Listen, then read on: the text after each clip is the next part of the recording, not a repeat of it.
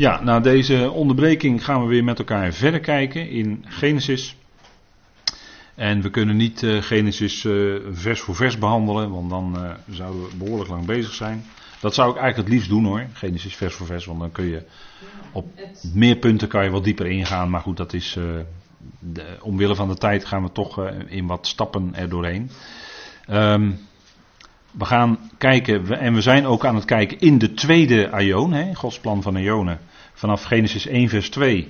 Zoals u waarschijnlijk wel weet, en als u dat niet weet, hebben we hier het boekje liggen op de mini-boekentafel, de kalender van God, kunt u meenemen. Daar staat uh, het plan van God in, het plan van Aionen. En we zitten dan nu in de tweede Aion, die is vanaf Genesis 1 vers 2, waarin we de resultaten zien van een heel groot watergericht de nederwerping van de wereld. En die nederwerping van de wereld, die wordt genoemd in, op diverse plaatsen in het Nieuwe Testament, zoals u weet. Daar hebben we de vorige keer hebben we een aantal teksten van met elkaar gezien. En vanaf de nederwerping van de wereld, voor de nederwerping van de wereld zelfs wordt gesproken in de schrift. Uh, plan der eonen. En er wordt zelfs door Paulus gesproken over voor de eonen. Hè? Ook nog. Je diverse plaatsen. Als ik dat zo even, als ik daar aan denk dan uh, kan ik u twee teksten wel noemen waarin gesproken wordt over voor de eonen. Dus Gods plan van de eonen hebben zeker een begin gehad. Anders zou dat, de schrift dat niet kunnen zeggen.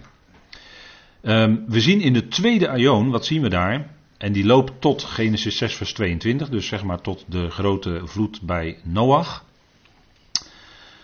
En die nederwerping die zette alles onder water. Hè? De hemelen en de aarde die stonden vol met water. Laat ik het zo maar zeggen. Als je de beschrijving leest daarna, hè, wat het herstelwerk in zes dagen, stonden de hemelen en de aarde vol en onder water. Ja. Bij Noach was dat anders. Dat was ook wel een groot watergericht, maar was toch veel beperkter in schaal. Want de hemelen liepen niet vol. Eh, de aarde kwam onder water te staan. En eh, dat is ook wel terug te vinden door in de aardlagen, hè, geologen eh, die ook de Bijbel geloven die kunnen dat wel degelijk uh, terugvinden en aanwijzen in de verschillende aardlagen. Hè. De, uh, je hebt ook sprake van de tektonische platen, hè, die, die schuiven langzaam en als dat tegen elkaar komt, dan uh, levert dat aardbevingen op en dan heb je breuklijnen. Er loopt ook een breuklijn vanuit Afrika, weet u wel, helemaal door de Jordaan zo uh, bij de Olijfberg. Hè, dat gaat straks ook splijten. Dat is, zo'n, dat is dan die tektonische platen die tegen elkaar aanbotsen, zeg maar. Dan krijg je daar een enorme aardbeving. En dan gaat de Olijfberg splijten. En dan zal het dal van ontkoming ontstaan voor het gelovige overblijfsel van Israël. Wat dan zal vluchten naar, uh, als u het mij vraagt, naar Petra in Jordanië. Daar in het zuiden. En die zullen daar dan zich verzamelen samen met anderen die daar al waren. Maar goed, dat voert even te ver.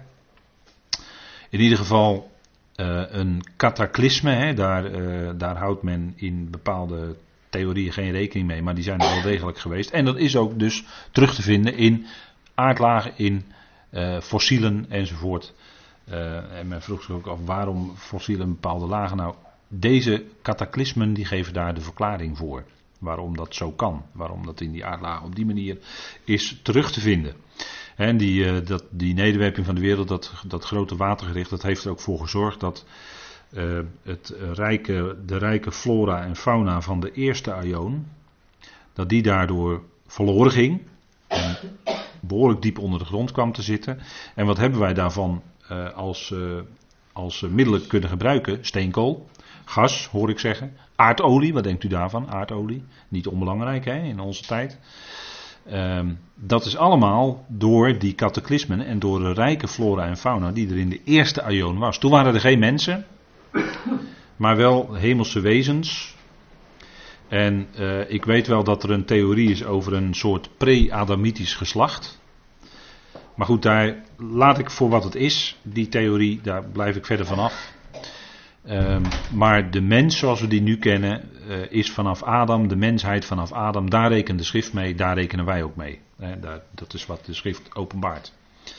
En de hemelse wezens, die waren er al voor de schepping. Want we hebben ook gelezen in, of je kunt lezen in Job 38, dat daar die morgensterren en de zonen gods, dat zijn hemelingen op dat moment, dat die juichten toen God de aarde creëerde. Toen God de aarde en de hemelen creëerde. Toen juichten zij. Dus die waren er al voordat God de hemelen en de aarde schiep. En later is dan de tegenwerker, dat hebben we de vorige keer met elkaar bij stilgestaan, de tegenwerker als tegenstander geschapen door God. Dat hebben we ook gezien, hè, teksten in Job. En uh, dat had tot gevolg dat er rebellie kwam bij de hemelse krachten en machten. En waarop dan die nederwerping van de wereld plaatsvond. Hè. Dat was het gevolg van een gericht van God. De nederwerping van de wereld. Helaas, helaas in de NBG-vertaling en ook in de Statenvertaling met grondlegging van de wereld vertaald, maar dat is incorrect. Dat is geen eerlijke weergave van het Grieks. Ik protesteer daartegen. Er staat nederwerping in het Grieks en zo zou je het ook moeten weergeven in de vertaling. De tweede, het tweede gericht, dat was bij Noach, dat was een tweede watergericht. En in de spiegeling in Gods plan van Joon hebben we, komt daar straks een vuurgericht. Dat is ook beperkt, dat is in de grote verdrukking onder meer. Laat ik het zo maar even noemen. Laatste jaar heb ik vandaan een grote verdrukking of iets daarna. Grote vuurgerichten. En een wereldwijd schepping groot vuurgericht komt pas na de duizend jaar. Waarin hemelen en aarde zullen verbranden, zegt Petrus. Die zullen, de elementen zullen brandende vergaan. 2 Petrus 3, hebben we met elkaar gelezen. En dan zal daarna een nieuwe hemel en een nieuwe aarde komen. En dat is dan de laatste aion tegelijkertijd, de vijfde aion. En dat is dan, die werkt dan toe naar de voltooiing van Gods plan als God alles in alle wordt. die vijfde aion, wat we in openbaring lezen, is nog niet volmaakt. Want daar is nog de tweede dood. En pas als de tweede dood is opgegeven, buiten werking gesteld, pas dan is Gods plan voltooid en dan wordt God alles in alle en dan is ook het plan van Eonen ten einde, is ook tot zijn doel gekomen. Maar dat is wel een kwestie van tijd, duurt nog heel, behoorlijk lang, maar dat, dat gaat wel komen, dat einde, dat gaat zeker komen. We zien de, in de tweede Aion zien we herstel, herstel, Genesis 1 hè, vanaf 1 vers 2. De mens is geschapen, hebben we met elkaar gelezen in, vanavond in het eerste gedeelte. Twee lijnen lopen er dan. Daar ga ik zo meteen nog op in, wat ik daarmee bedoel. Dan komt er afwijking en weer een gericht. En dat gericht is dan, u ziet daar de ark van Noach. Het is altijd heel leuk om aan kleine kinderen voor te lezen. Die zitten dan met grote ogen te kijken en met rode oortjes te luisteren als je dat voorleest. Dat is altijd een prachtig verhaal, vind ik. De ark van Noach, al die dieren gingen erin. Natuurlijk al die dieren benoemen en zo. Heerlijk.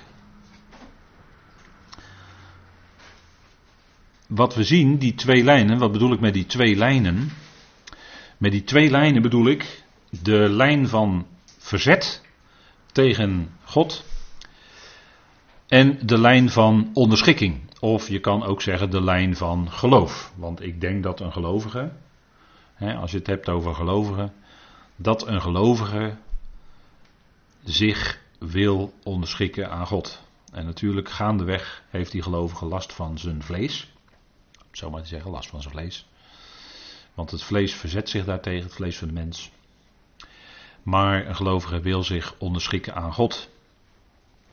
En de geest van God die in de mens werkt, in de gelovige werkt, die is uh, sterker bij gelegenheid dan het vlees. En uh, je kan dat ook aanwakkeren, maar dat moet je dan met de juiste instrumenten doen, hè, de juiste dingen doen. Om de geest in je aan te wakkeren, actief te doen zijn, zodat het vlees daaraan ondergeschikt is. En natuurlijk zijn daar allerlei leermomenten. Hè? Maar de lijn van verzet van hardnekkigheid zien we vanaf Kain. Kain sloeg zijn broer Abel dood. Notabene de eerste twee broers op de aarde en die slaan elkaar dood. Het is wat, hè? Het is wat. Vlees van de mens, dat is wat, hè? En dan heb je de lijn van onderschikking, dat is Abel. En Abel, dat is eigenlijk, uh, ja, Abel, dat is hetzelfde woord als, uh, als uh, wat in de NBG altijd met ijdelheid is vertaald in prediken. Ijdelheid der ijdelheden, alles is ijdelheid. Dat woord Hebel, dat is daar vertaald met ijdelheid. En dat is, dat is eigenlijk bij, vrijwel hetzelfde woord in het Hebreeuws als de naam Abel. En wat wil dat zeggen? Wat wil dat zeggen? Abel werd doodgeslagen door zijn broer. En dat wil zeggen dat de inspanningen van, van de mens zelf ijdel, dat wil zeggen leeg zijn. En dat is de lijn van Kain. Kain is degene die een offer bracht van de aardbodem, van het werk van zijn handen. En Abel bracht een dier ten offer. En God accepteerde wel het offer van Abel en het offer van Kain accepteerde hij niet. En dat is omdat ze wel degelijk gehoord hadden, Kain en Abel hadden wel degelijk gehoord hoe het zat. En daarom, Abel was een gelovige en Kain die verzette zich tegen geloof, tegen God, om het zo maar te zeggen, tegen wat hij gehoord had. En hij offerde anders dan eigenlijk zou moeten. Abel deed het wel en God nam dat offer aan. En hoe hij dat deed, of hoe, Abel, hoe je dat kon weten, of hoe Abel dat wist en hoe Kain dat wist. Misschien is het wel zo, iemand heeft wel eens gesuggereerd, een goede Bijbeluitlegger, die heeft wel eens gesuggereerd dat God zelf dat offer van Abel aanstak. Want dat gebeurt wel vaker in de schrift. Hè? Vuur uit van boven en dan wordt het offer verteerd, als teken dat het offer ook geaccepteerd wordt. U herinnert zich Elia op de Karmel wel, denk ik, met al die Baalpriesters, weet u wel. Er werd niet alleen het offer verteerd, maar heel het altaar. Hè? Dus alle stenen, alles. Het was helemaal, stond vol met water. Maar alles, dat water ook, de stenen, alles, de offer, alles ging, werd verteerd door het vuur. Zo krachtig was dat hè, op dat moment. Als teken dat God de, God ware God van Israël is. En dan zien we dan voortgezet de lijn van onderschikking in de lijn van Set en de lijn van Enos. En wat was nou het verschil tussen uh, Lamech en Enos. Lamech was de eerste die deed aan polygamie. Die had twee vrouwen, Ada en Zilla. En daarin zie je ook al eigenlijk de afwijking van de lijn, zoals God die voorstond vanuit Genesis 2, wat we gelezen hebben. En daarin kun je ook zien dat de lijn van Kain, waar die Lamech uit voortkwam, dat hij zich verzette tegen dat wat God bedoelde. En Enos was anders, want Enos was in de lijn van Seth. En Enos werd zwak, ziek. En eh, hij, wat deed hij? Hij uh, was niet assertief, zoals Lamech dat wel was. Want Lamech zei, nou, degene die mij dwars zit, die zal ik wel eens eventjes een kopje kleiner maken. Die was assertief, die, uh, je hoefde hem niet in de weg te lopen, want hij ging toch wel zijn plan trekken en hij zette toch wel door. Zo, die mens hè, was Lamech. En Enos was anders. Enos die werd ziek en zwak en hij probeerde niet op zijn eigen manier dat allemaal recht te zetten of zijn recht te halen of zo bezig te zijn zoals Lamech. Nee, hij riep de naam van de Heer aan. Dat is heel wat anders. Dat is een teken van onderschikking. Hij besefte dat hij in zijn zwakheid als mens de Heer nodig had. En hij riep de naam van de Heer aan. Daaraan kun je ook zien dat dat die andere lijn is. Enos betekent ook uh, sterveling of zwak zijn vanuit het woord. En ja, dat zie je dus duidelijk in die lijn van onderschikking terugkomen. En uh, ja, de mensen hadden toen ook hoge leeftijden. Ik heb daar op deze dia dat op een rijtje voor u. En uh, ik zeg er gelijk bij, ik zeg er gelijk bij, dat die leeftijden, als u dat na gaat zoeken in uw Bijbel, dat het niet altijd klopt met wat in uw Bijbel staat. En dat heeft te maken dus met de Septuagint lezingen. Die, die Griekse vertaling waar ik het eerder op deze avond over had. De Septuagint wijkt af en toe af van de reguliere Hebreeuwse tekst zoals we die kennen. En vandaar, en uh, dat wordt duidelijk ook aangegeven in de Concordant Version. En dat zijn dus deze leeftijden. Dus je ziet dat uh, Methuselah of Methusalem, die werd de oudste, 969. En Noach, die werd toch nog 950 jaar. Dat is toch een behoorlijke leeftijd bereikt. Hè? En deze leeftijden, denkt men, en dat denk ik ook wel dat dat zo is, die zullen ook in de komende duizend jaar weer terugkeren, deze hoge leeftijden. Want dan zal een jongeling geheten worden iemand die 100 jaar is. dat staat ook in de schrift, in de profetie. Dat is dan nog een jongeling. Dus uh, dan ben je nog jong hoor. Als je 910 jaar wordt en je bent 100, dan ben je nog jong. En tegenwoordig ben je, zeg je van nou, dan ben je al uh, toch uh, zeker een, een dikke 30 jaar met de AOW. Als je 100 bent. Maar uh, dan ben je nog maar een jongeling. Dus dan ben je, kom je nog maar net kijken eigenlijk. Maar u ziet hier een prachtige lijst. Twee lijnen. Dat, daarom heb ik dit plaatje hier ook opgezet. Twee lijnen aan de linkerkant. Dat is natuurlijk expres gedaan. Aan de linkerkant de lijn van Kain, Henoch, Irad, Meguiaal enzovoort. En dat loopt dan uit. Uh, Jabal was de, de baas van de. Wie was het ook alweer? De baas van de smeden of zo? Of van de zangers? En Jubal was van de orgelbouwers. Nee, was van de, de, de harpen of zo. Ik weet het niet precies. Hè? En Tubal-Kain van de smeden of zo. Zoiets. Ja, je bent, uh, je bent van de muziek, dus uh, vandaar. Ja, dat... Toevallig heb ik het pas opgezocht voor die. Maar dat was iets met, uh, met, met de ijzer en de... Ja, met ijzer en, en Jubal was van de, van de snaarinstrumenten, geloof ik. Hè? Ja, zoiets. Ja. En dan heb je daarnaast de lijn van Seth tot en met Noach. Dat is dan de lijn van onderschikking, om het zo maar te zeggen. En ja, dat zijn hoge leeftijden. Henoch, die werd op een of andere manier door God te rusten gelegd, zeg ik maar, weggenomen. Ik denk dan te rusten gelegd. Die overleed in zijn slaap. Dat, daar, eh, daar hou ik het maar op. Die werd slechts 365 jaar. Dus dat was nog een jonkie. Vergeleken bij die anderen. En je ziet dan eigenlijk na de grote vloed dat die hoge leeftijden afnemen. En dat is een teken van degeneratie. U kent dat boekje misschien wel van Peter Schelen. Degeneratie. Heel goed boekje, moet je eens lezen. Dat is heel interessant.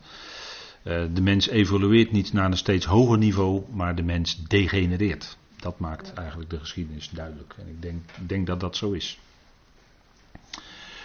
Ja, en uh, toch is dat bijzonder, want ja, sommige mensen denken wel, ja, het zijn van die saaie geslachtsregisters en wat moet je er allemaal mee in de Bijbel? En, maar het is toch interessant om iemand, mensen hebben dat gedaan, die betekenissen van die namen, die hebben ze dat dus opgezocht en dan zit daar eigenlijk Eigenlijk zit daar het evangelie in. En dat is heel bijzonder. In die tien geslachten. Um, want wat lees je daar? Adam betekent mens. Zet betekent geplaatst. Enos sterveling. Kenan verdriet. Mahalal el gezegende God. Jared betekent neerdalen. Henoch is een toegewijde. Methuselah zijn dood brengt. Lamech afnemen. Noach rust of troost. En wat staat hier dan eigenlijk? Je kan het eigenlijk voor jezelf heel eenvoudig, als je het op een rij even in een zin uitspreekt, dan zeg je eigenlijk: de mens is geplaatst als sterveling. En dat brengt veel verdriet. Maar de gezegende God zorgt ervoor dat een toegewijde zal neerdalen. En zijn dood brengt afname van verdriet en in plaats daarvan rust en troost. Dat is de evangelie toch heel bijzonder, denk ik. Hè? En zijn meerdere die dat hebben, zo hebben uitgeschreven. Dus het is toch heel wonderlijk dat de betekenissen van die namen eigenlijk dan dit opleveren van de eerste tien geslachten uit de lijn van Zet. En Zet is ook iemand aan wie altijd grote wijsheid is toegeschreven. Ik denk dat Adam van God heel veel wijsheid had gekregen. Uh, hoe hij moest leven en, ook met betrekking tot uh, hoe de natuur in elkaar zit. Eh, de flora en de fauna, want hij was in staat om alles wat naar hem toe kwam, alles wat hij zag, was in staat om namen te geven. Nou, ik geef het je te doen, dan heb je wijsheid nodig hoor, om dat te kunnen. En je ziet ook dat uh, eigenlijk daarna uh, die wijsheid successievelijk verloren is gegaan. de mensen, Adam was oorspronkelijk iemand die zeer hoog begaafd was, die zeer veel wijsheid en verstand had en inzicht had. En dat wordt ook vaak toegeschreven aan Seth bijvoorbeeld. En daarna is dat allemaal uh, afgenomen. Veel van die wijsheid en die kennis die men had van, van origine is eigenlijk verloren gegaan. Er is ook veel opgetekend, maar er zijn hele belangrijke bibliotheken in de loop van de geschiedenis, onder andere Alexandrië, verbrand. Waarin hele wezenlijke boeken stonden met allemaal oude wijsheid. En dat is allemaal verloren gegaan. En door brand onder andere. En dat is wat. Uh, ja, misschien, dat, misschien, ja, dat zal ongetwijfeld de bedoeling geweest zijn. Dat, daar heeft natuurlijk de hand van God in gezeten. Dat kan niet anders. Maar Adam was in ieder geval iemand die zeer veel kennis had, zeer intelligent was, kon schrijven, eh, noem maar op. En dat is natuurlijk precies anders dan het andere gedachte die aan ons wordt opgedrongen. Dat de mens in het begin heel primitief was, eigenlijk bijna niks kon en langzamerhand naar een steeds hoger niveau evolueerde moet ik dan zeggen. Hè? Nou, ik denk dat het niet zo is. Ik denk dus de degeneratie, hè, de mooie titel van het boek. Het is ook een prachtig boekje van Peter Schelen. Maar dat dat juiste weergeeft, dat het, dat het uh, af, afneemt. En uh, dat is ook wat je ziet, hè, dat de mens uh, afneemt. Kijk, Genesis 6, daarin wordt gesproken ook over de afwijking van uh, in de dagen van Adam gebeurde dat nog. Hè. Er wordt op een gegeven moment gezegd, de mens, hier Genesis 6 vers 3 heb ik op deze dia uitgeschreven, maar dan wat, toch wat meer naar de Hebreeuwse tekst. En er staat, en Yahweh zei, mijn geest zal niet in de mens blijven, gedurende de aion, in welke hij vlees is. Er wordt nadruk gelegd op het vlees van de mens. Hè? Dus dat die vleeselijke kant van de mens, om het zo maar te zeggen, steeds sterker naar voren komt. En zijn dagen zullen worden 120 jaar. En uh, men geeft dan aan dat Noach dan hier 810 jaar oud geweest zou zijn, want nog 120 jaar te leven. de mens, dat is eigenlijk, daar staat Adam in de tekst. En zijn dagen, dus dat kan verwijzen naar inderdaad precies Adam zelf, zullen nog worden 120 jaar, dus hij had nog 120 jaar te gaan. Dus hij was toen 810 jaar oud. En hier geeft Yahweh al iets aan, mijn geest zal niet in de mens blijven. Dus hier geeft Yahweh al iets aan van, hij ziet het gedrag van de mensen. Laat ik maar zeggen het vleeselijke gedrag, want er wordt de nadruk hier gelegd op vlees. En dat zou gevolgen hebben. En dat lezen we ook in Genesis 6, wat toch een bijzonder hoofdstuk is. En er was ook een vraag over. Wie zijn de zonen van God uit Genesis 6? En er zijn diverse theorieën over. En dat is ook wel een bijzondere tekst, want daar zit eigenlijk de vraag bij: wie zijn de Nephilim? En als u het woord Nephilim gaat googlen, dan uh, zult u heel veel tegenkomen. Maar of dat allemaal duidelijk is, weet ik niet. Ik denk dat heel veel dan niet duidelijk is. Of dat wat de Nephilim eigenlijk is, dat het veel minder duidelijk wordt. En eigenlijk moet je dan terugkeren naar de schrift zelf. En uh, even afgezien van alle gedachten bij Nephilim. In Genesis 6, vers 4 worden die genoemd, de Nephilim, dat is letterlijk een Hebreeuws woord wat daar genoemd wordt. En dat is dus ook een meervoudsvorm, hè, eindigt op im, net zoals Elohim, Nephilim, dat is ook meervoud. En dat is een afwijking in de dagen van Adam. En de als u de concordante tekst erop naslaat, dan leest u daar. En die zich onderscheiden. En uh, ja, mag dat ook lezen met dubbel D hoor, als een verleden tijd. Maar ik heb het als een uh, tegenwoordige tijd, een onvertoorde tijd hier weergegeven. En die zich onderscheiden. En dat zijn de Nephilim. Dat, dan staat er in het Hebreeuws het woord Nephilim. Wat je kan afleiden naar de onderscheidenen of de aanzienlijken. Degene die aanzien hadden, die aanzienlijk waren in die dagen ten opzichte van de andere mensen. En die zich onderscheiden, zij werden op de aarde in die dagen. En bovendien daarna, toen de zonen van de Elohim kwamen, dus de zonen van God staat er in uw vertaling. De zonen van de Elohim kwamen tot de dochters van Adam, of tot de dochters van de mensen, wordt er dan vertaald. En zij droegen voor hen, dat wil zeggen, zij droegen voor hen nakomelingen. Dus er werden nakomelingen verwekt bij de dochters van Adam. Zij zijn de geweldigen, die vanaf de eon zijn, stervelingen van de naam. Dat is eigenlijk de weergave. Ik heb het geprobeerd zo nauwkeurig mogelijk te doen van de Hebreeuwse tekst. En die Nephilim, wie zijn dat nu? Want we komen op allerlei gedachten, en eh, ja, misschien moet ik toch zeggen theorieën, um, omdat in uw Bijbel wordt het met reuzen vertaald. De Statenvertaling en de NBG-vertaling hebben dit woord met reuzen vertaald. En hoe komt men dan aan reuzen? Nou, dat heeft natuurlijk een geschiedenis.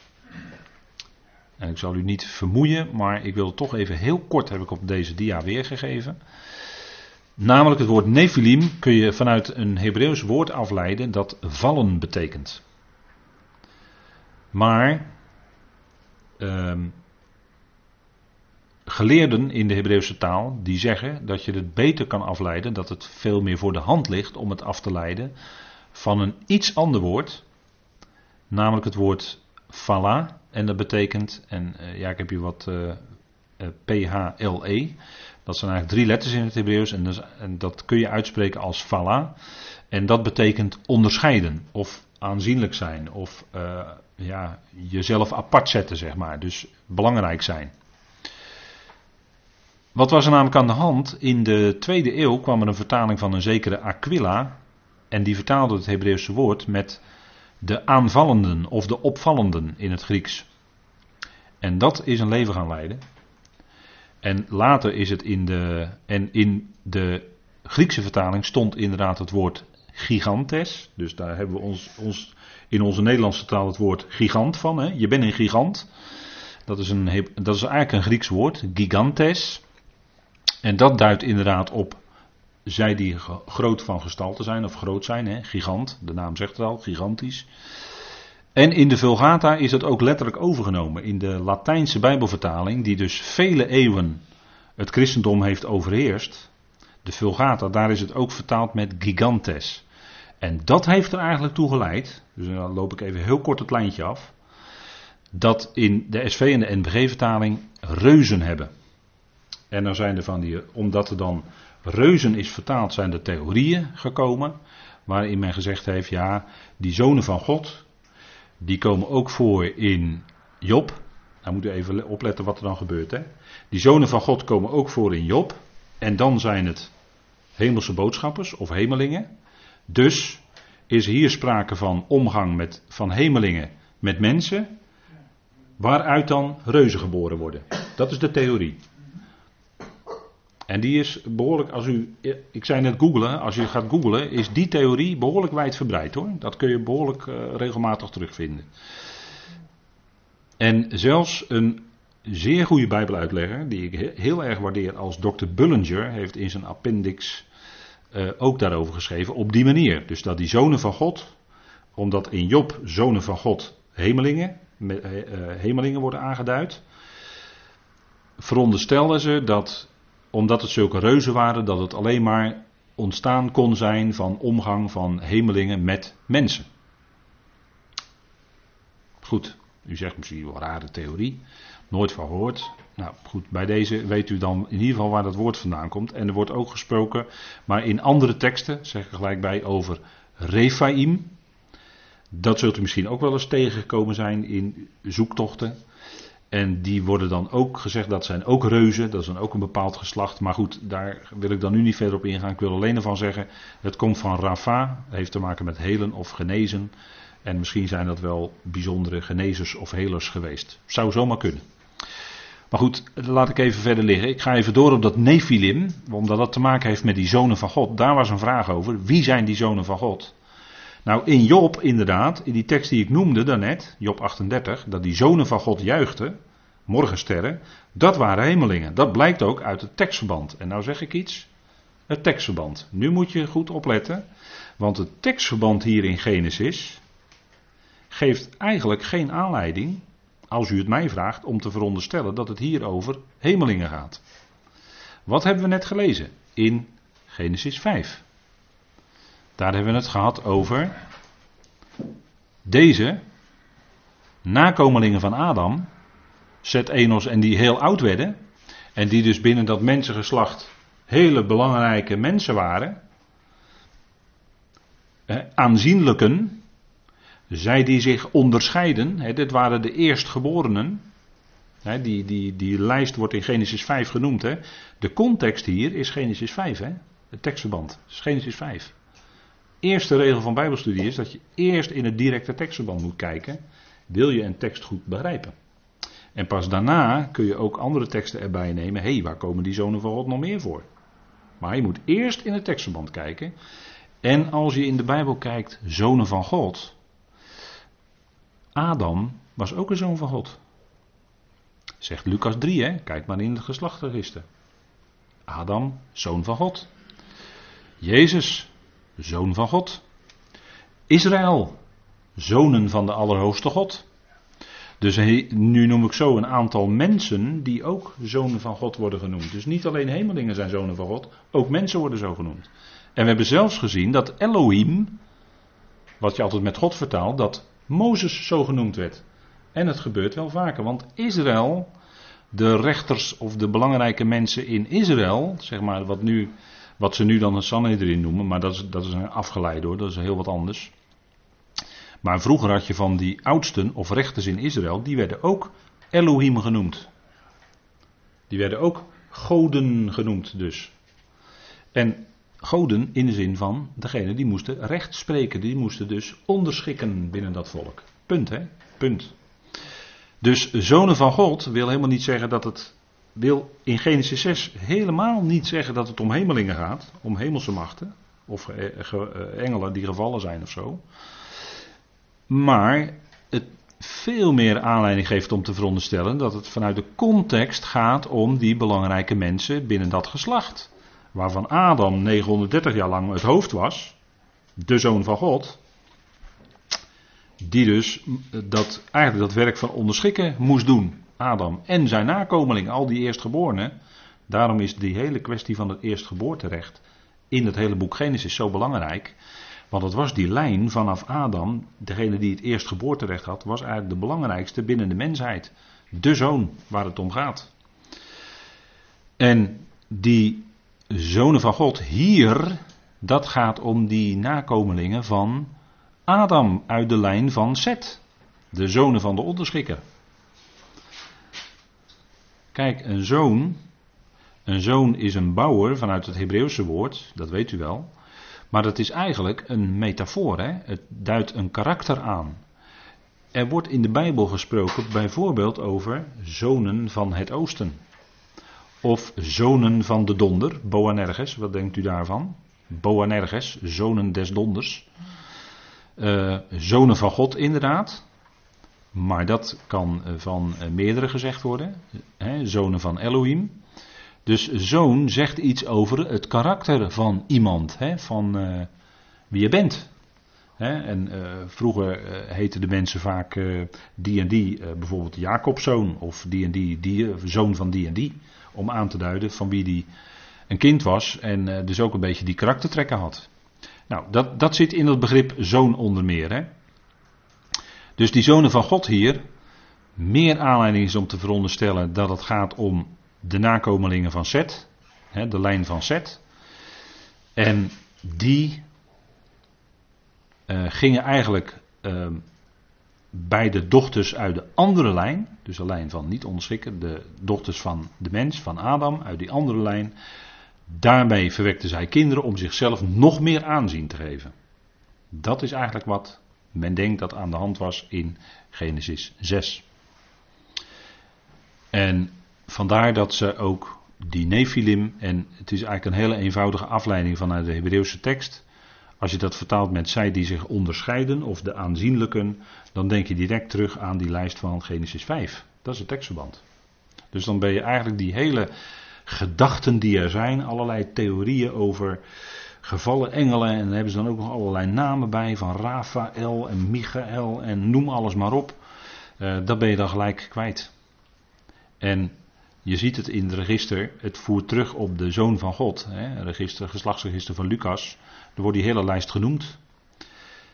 Van Israël worden die rechters Elohim genoemd, hè? onderschikkers. Eh, bijvoorbeeld in Exodus 21, vers 6 en 22. Worden gewoon goden genoemd, oftewel onderschikkers. De krachtigen, want in het woord eel of al zit, dat, is ook een woord dat heeft te maken met kracht hebben, macht hebben. Uh, en dan meer kracht hebben dan anderen. Dus dat even over die zonen van God. Hè? Dus je hebt eigenlijk weinig, eigenlijk vanuit puur de tekst van Genesis 6, heb je eigenlijk heel weinig, eigenlijk niet een, een, een uh, reden om te veronderstellen dat het daar ineens over hemelse machten en krachten zou gaan. En dat gebeurde. En waarom kwam nou die grote vloed bij Noach? Wat was nou de reden? We hebben het net al gelezen dat God zei: Mijn geest zal niet in de mens blijven, want vlees. Hij, is, hij laat zijn vleeselijke kant enorm zien, eigenlijk alleen maar, bijna. En dat ging nog verder, Genesis 6, vers 5. God zag dat het kwaad van de mens vermenigvuldigde op de aarde. En dat elke vorm van ideeën van hun hart erg vol kwaad was, heel de dag. Dus die mens, die zakte af naar een heel erg laag niveau, om het zo maar te zeggen. En ze waren eigenlijk bijna alleen maar bezig om kwaad te doen. Met uitzondering dan van een Noach bijvoorbeeld. En waren bezig vanuit en naar en met het vlees. En uh, dat leidde tot steeds verdere afgang. En daarop zei God: Nu ga ik ingrijpen. Noach, ga die ark maar bouwen. Dat was eigenlijk de reden. Dus het was niet zozeer die. Uh, ja, de, een van de oorzaken was wel die vermenging van die zonen van God. met die dochters van de mensen, van die andere lijn. Dat was ook een reden. Waarom het steeds verder ontaarde, om het zo maar te zeggen. Waarom het steeds verder ging. Dat is ook een reden. En waarom dit proces, uh, ja, dat was een katalysator. En daarom kwam die grote vloed. En betekende dat, dus de, de mens zakte af naar een heel erg laag niveau, waarop God zei, nu ga ik ingrijpen. En het was het einde van de tweede aion, kwam met een grote vloed. En toen werden slechts acht zielen behouden, zegt Petrus, door het water. Ja, dus dat is dan het einde, hè, dan zetten we eigenlijk een, eh, een stap naar het einde van die Goed, we gaan met elkaar eindigen en als uh, slotplaatje heb ik dan deze nog voor u. De eerste 26 generaties is eigenlijk de getalswaarde van de naam Yahweh. Maar dat is een uh, heel klein, heel klein uitsmijtertje aan het eind van de avond. Ja, is geen boterham met ham en ei, maar uh, ehm, 26 generaties en ja, het, het, doet zich voor dat de getalswaarde van de naam Yahweh ook 26 is. En dat is precies verdeeld in 10 geslachten, 5, 6 en 5 geslachten. En dat is precies ook de verschillende Hebreeuwse letters. Nou, dat is toch een aardigheidje wat ik u mee wilde geven. Goed. Hierbij wil ik het uh, later vanavond zullen wij nog danken. Dan sluiten we daar de avond mee af. Vader, wil u danken dat uw woord zelf, als we daar wat dieper in duiken en echt de tekst zelf laten spreken, vader, dat uw woord antwoord geeft. En dat allerlei gedachten, theorieën blijven heel moeilijk, vader, als het niet die volle helderheid van de schrift eronder heeft. We danken u dat we vanavond weer een aantal aspecten uit die zo belangrijke tweede aion met elkaar mochten bekijken. En we beseffen, vader, dat ook daarin alles uit u is. U bent de schepper van de mens. En vader, u zette ook die boom van kennis in de hof. En de boom van het leven. Vader, met een heel bewust doel daarachter, een heel bewust plan. Vader, wat u met de mensheid had. En we danken u dat we mogen beseffen, Heer, dat ook dat ingrijpen nodig was als een prediking. En dat u ook een klein achttal behield, omdat u nog verdere plannen had met die mens, vader. En dat later ook uw eigen zoon als mens op de aarde zou zijn en dat grote werk van verlossing zou kunnen doen. Vader, we danken u dat u alles uitwerkt en dat we die bijzondere facetten van uw woord mogen onderscheiden. Vader, wat helaas in vertalingen vaak niet zichtbaar is. Vader, maar als we echt die grondtekst raadplegen, dan komt er zoveel naar boven. We danken u daarvoor. We danken u zo voor deze avond, voor ieder die hier was. Dat u nabij bent, vader, op die plaats, plaatsen waar het moeilijk is. Vader, dank u wel dat u draagt en dat u in uw wijsheid weet hoe het verder gaat en dat de tijden in uw hand zijn. Vader, we zijn te allen tijden vast en zeker geborgen in uw hand. We danken u daarvoor. We danken u voor dat uitzicht, voor de heerlijkheid die wacht. We danken u dat we daarna mogen uitzien. Vader, dank u wel zo voor dit moment wat u gaf. En vader, wilt u het verder zelf uitwerken, Vader, en dat we deze dingen zelf ook verder kunnen nazoeken. We u daarvoor in de machtige naam van uw geliefde Zoon, onze Heer Christus Jezus. Amen.